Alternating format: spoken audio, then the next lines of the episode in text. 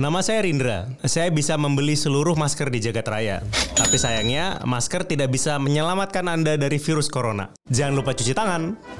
Pesan layanan masyarakat ini dipersembahkan oleh Box to Box Media Network.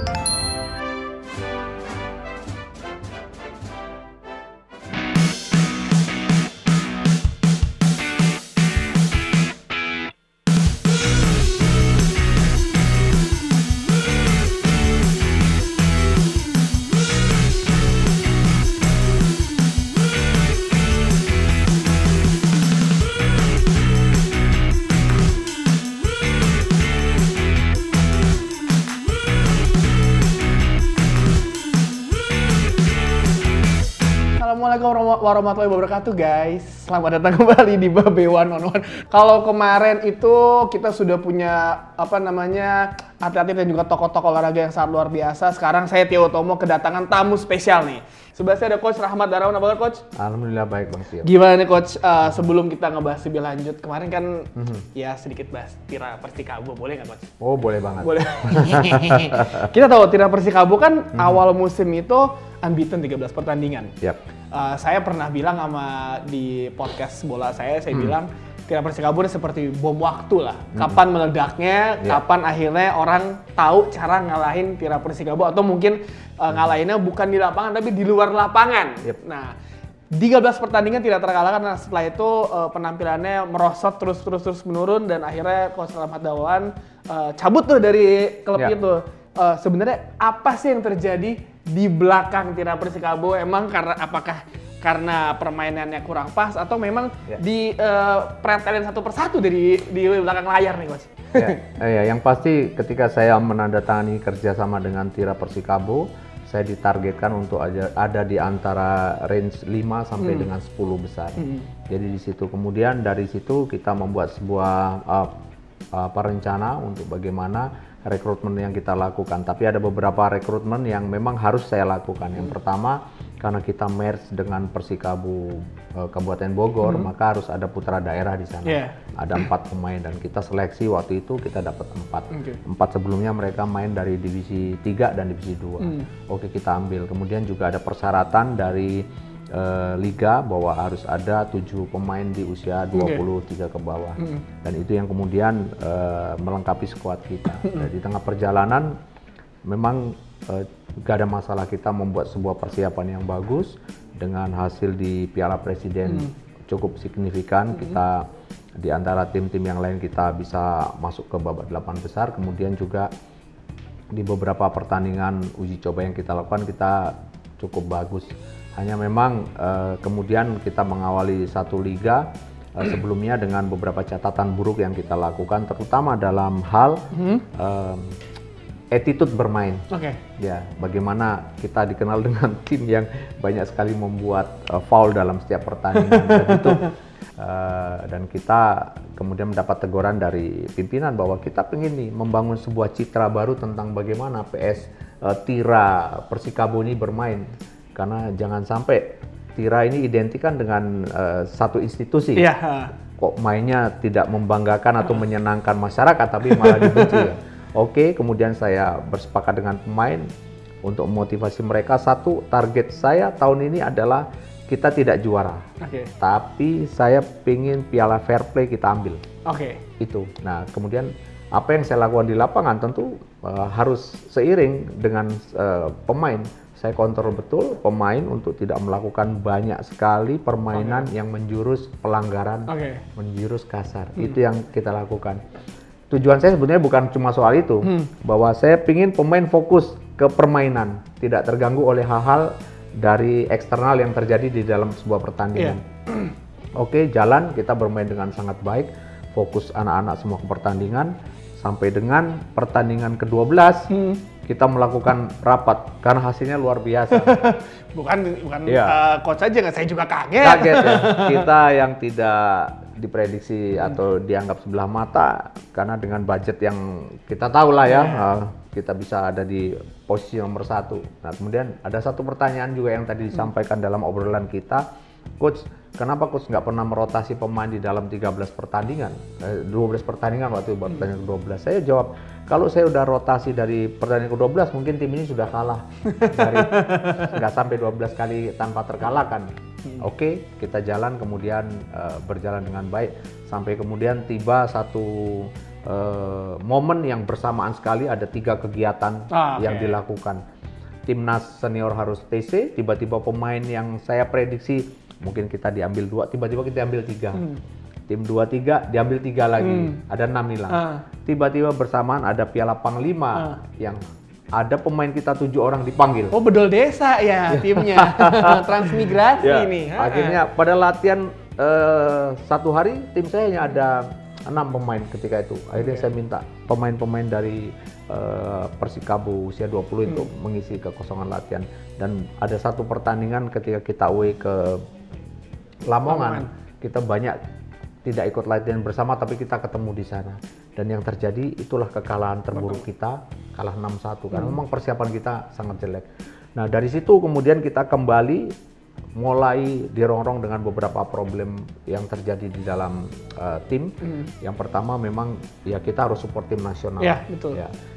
Setiap mereka bermain kita harus memberikan, harus memberikan dan itu terjadi dalam beberapa pertandingan yang kita lalui dan kemudian pemain-pemain yang lain dia bermain tanpa bisa kita rotasi. Ya, Ya, dan situlah terjadi uh, fatigue ya kalau lah. pemain yang akhirnya mengibat pemain-pemain yang bebannya kita kita sangat paksa akhirnya cedera Ya. dan di sinilah menambah problem Ya, akhirnya berentet, berentet, berentet, berentet, berentet, berentet berentet, sampai dengan uh, Sampai dengan kemarin kemarin Ya, akhirnya. ya. Eh, saya juga baca berita coach RD pun juga kaget akhirnya dicopot dari eh, Betul, tim kaget. Persiaba. Emang Iya. emang itu emang keputusan secara dadakan atau memang sebelumnya nggak ada woro-woro soal ini coach? nggak ada bahkan jujur eh, saya sudah menyepakati untuk eh, memperpanjang kontrak kerja bareng dengan Tira. Nah, dan saya diajukan over oleh pihak manajemen saya pelajari ada revisi kontrak. Uh-huh. kemudian saya pelajari lagi saya kembalikan sekali lagi begitu udah oke saya tanda tangan Eh, seminggu sebelum saya dipanggil manajemen tapi tiba-tiba manajemen panggil saya dengan bahasa yang eh, berbeda untuk tidak boro-boro meneruskan setahun tapi memutuskan kerja. Oke buat saya saya profesional. Itu bisa terjadi terhadap pelatih siapa pun dan saya bisa menerima kondisi itu. Iya. buat saya nggak masalah. Yang penting buat saya oke kita sama-sama menyelesaikan semua dengan eh, dengan Baik-baik. profesional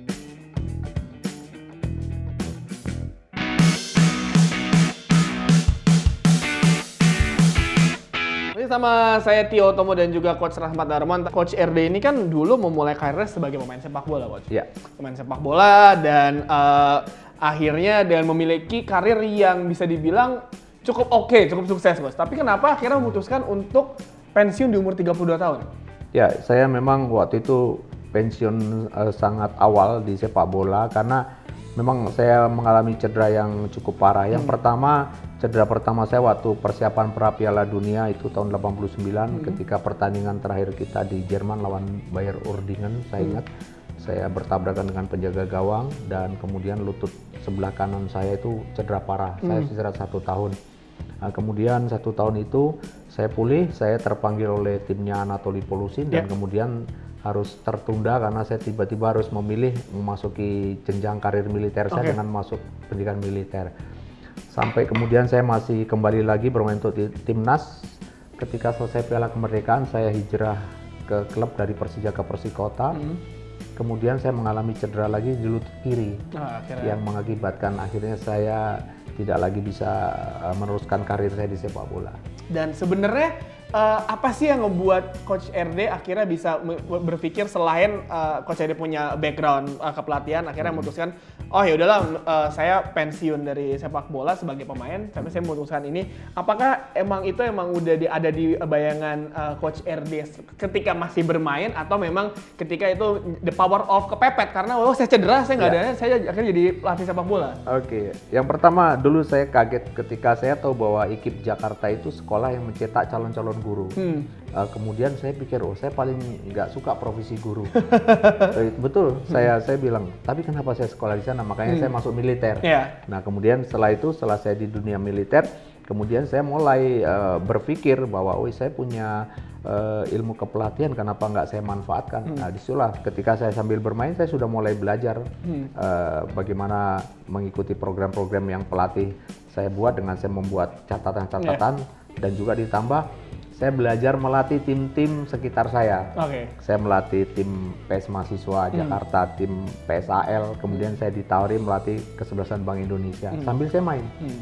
Lalu setelah itu saya dapat rasanya ini passion saya. Hmm. Ya, setelah saya bermain untuk Persikota dan membuat tim ini masuk ke divisi utama, saya nggak dikasih kesempatan lagi bermain karena cedera. Hmm. Di situlah saya mulai betul-betul tekun mendalami dunia kepelatihan dan buat saya bukan sekedar oh di sini ajang untuk saya kebetulan bisa terus eh, mencari apa eh, side job di Ya. samping saya seorang perwira militer tidak tapi yang saya katakan tadi bahwa ini saya menemukan dunia saya di sini Klop di sini. klop kan? di sini dan akhirnya saya bisa menekuni uh, dunia kepelatihan ini dan saya mengambil beberapa kursus di Indonesia dan di uh, luar negeri dan semakin menambah keseriusan saya tapi di dalam satu sisi saya harus juga kehilangan kesempatan saya untuk berkarir di dunia militer. Ah. karena saya tinggalkan sekolah-sekolah kemiliteran. Ah. sehingga akhirnya saya semakin ketinggalan ini sama teman-teman nih.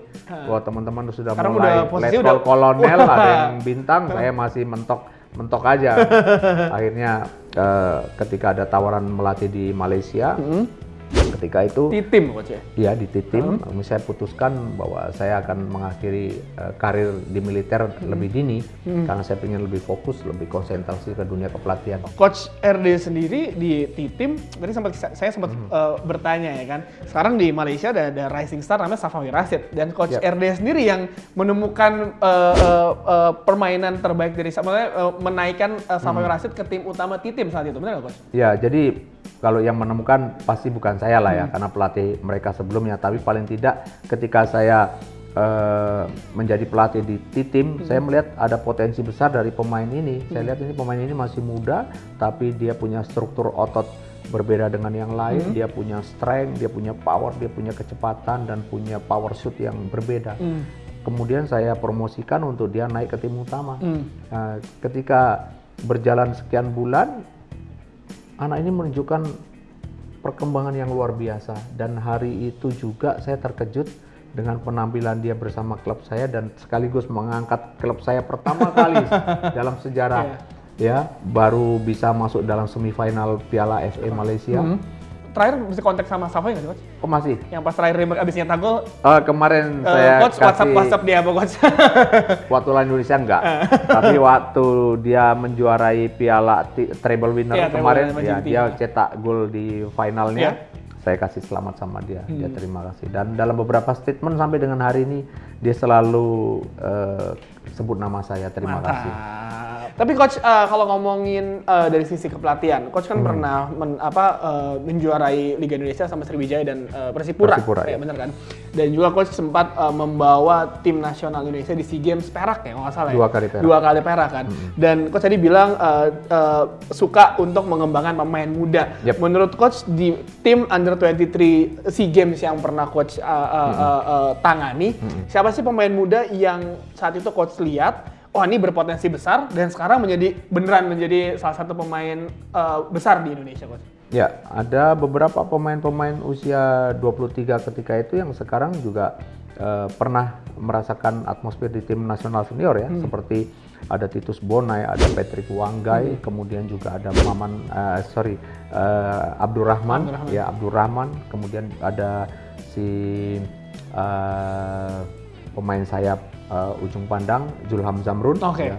kemudian juga ada Sinaga, Iya, ya. Ferdinand. Ferdinand Sinaga dan juga ada beberapa hampir semua semuanya pernah merasakan tim nasional senior ketika itu dari eh, dari Dari usia umur 23 dan di 2013 dengan beberapa pemain dari 23 mulai di situ ada pemain-pemain yang the rising star yang kemudian masuk ke tim nasional seperti eh, Lestosen Manati Iya. itu juga dari jebolan eh, 23 ketika itu ada Kurnia Mega Iya. ya dan juga ada eh, beberapa pemain-pemain yang sekarang menghuni tim nasional eh, senior walaupun mungkin tidak terlalu lama tapi sampai dengan hari eksistensi mereka Masih ada eh, cukup besar di eh, klub-klub yang mereka eh, huni saat ini. Wah, berjasa sekali Coach. Enggak, enggak, enggak juga. Enggak, enggak. Berjasa enggak. Cuma saya memang pada waktu itu mereka punya talenta bagus dan saya berikan dapat kesempatan dan akhirnya mereka yang mengembangkan karirnya sendiri. Iya, betul. Ya yang memberikan kesempatan coach RD tapi mungkin habis ini coach RD memberikan saya kesempatan untuk bermain game sama dia. Game saya apa?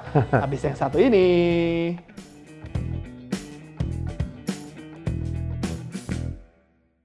Sekarang di segmen 3 kita mau main games nih sama Coach RD. Uh, gua Tio akan memberikan uh, beberapa pertanyaan sih sebenarnya yang disiapkan, disiapkan oleh tim dari Babe di Babe One on One. Ini uh, Jazz ini bisa dipakai kan semua ya? Boleh. Nah, kata ibu produsernya boleh tuh berarti. Jadi coach ini saya nanya pertanyaan, coach tinggal jawab aja. Ntar saya tinggal tambah-tambahin coach. Sepertinya seperti itu. Kita mulai dari yang pertama, angkat beban atau lari coach. Saya milih lari. Kenapa coach emang lari coach?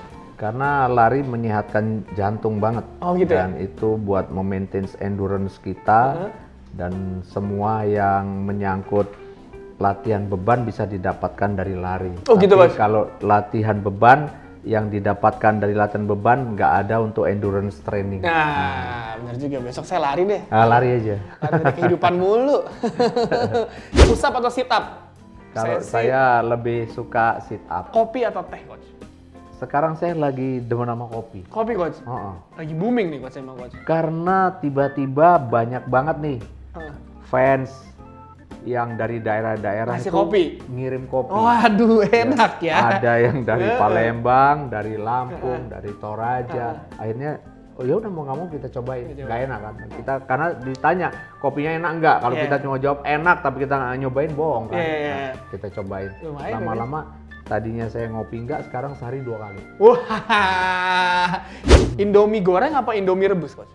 Saya nggak suka dua-duanya. Gak suka dua-duanya? Nggak suka, beneran. Yang bener coach. Bener, saya nggak tahu kenapa. Saya juga ingetin sama semua anak-anak jangan makan mie instan. Iya emang nggak boleh coach. Betul. Tapi dulu waktu masih kuliah karena belum tahu, Nah. Hantem juga Oh mie iya, emang saya juga Mie coach. rebus ada kuahnya seger tuh. Enak banget enak Wah, apalagi kalau habis pulang malam dari Iya, party ya kan. betul. Indomie rebus cikanjeng enak banget tuh. Apalagi hujan-hujan. Waduh. Waduh, bahaya emang ya kan. Ah, berarti emang emang susah coach jadi atlet di Asia Tenggara, khususnya di Indonesia, Malaysia, Si- Singapura ya. Eh, Makanannya kan ya. Iya, makanan pengaruh ada, tapi sebetulnya semuanya balik sama diri kita. Ah, iya. Kita ada acara makan bareng nih, waktu saya ngelatih timnas nih di hotel, salah satu hotel di daerah eh, mana tuh eh, di satu dekat lah di Jakarta. Ah. Nah, tempat kita TC. Selesai kita makan, saya nggak sengaja ke basement tuh. Ah. Di situ ada jualan kantin kan, Ah. ada mie ayam. Ih, pemain-pemain yang tadi makan bareng makan mie ayam. Ampun. ya udah lah coach. Siapa eh, pemain yang pernah coach tangani yang paling disiplin atau paling bertalenta pas saat pertama kali coach lihat, wah ini pemain gawat nih masa depannya cerah banget siapa coach? Banyak banget sih ya. Yang paling coach kayak wah ini pemain unik lah gitu coach. Kalau yang paling unik menurut saya sih dulu ada Octavianus Maniani ya. Waduh, Oktomaniani. Oktomaniani, itu paling unik itu, Heeh. paling unik itu. Uniknya kenapa tuh coach? Uniknya dia pemain yang sebetulnya punya kreativitas hebat Heeh. gitu ya. Tapi dalam tanda kutipnya anak rada-rada bandel dikit gitu.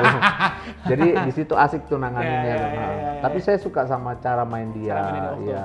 Tapi memang dia butuh uh, treatment yang spesial deh. Oke, gitu. oke. Main bola mesti kayak gitu emang, seimbang. Tapi satu ada satu pemain yang Heeh. saya ingat ya, Boa Salosa namanya. Waduh. Ya.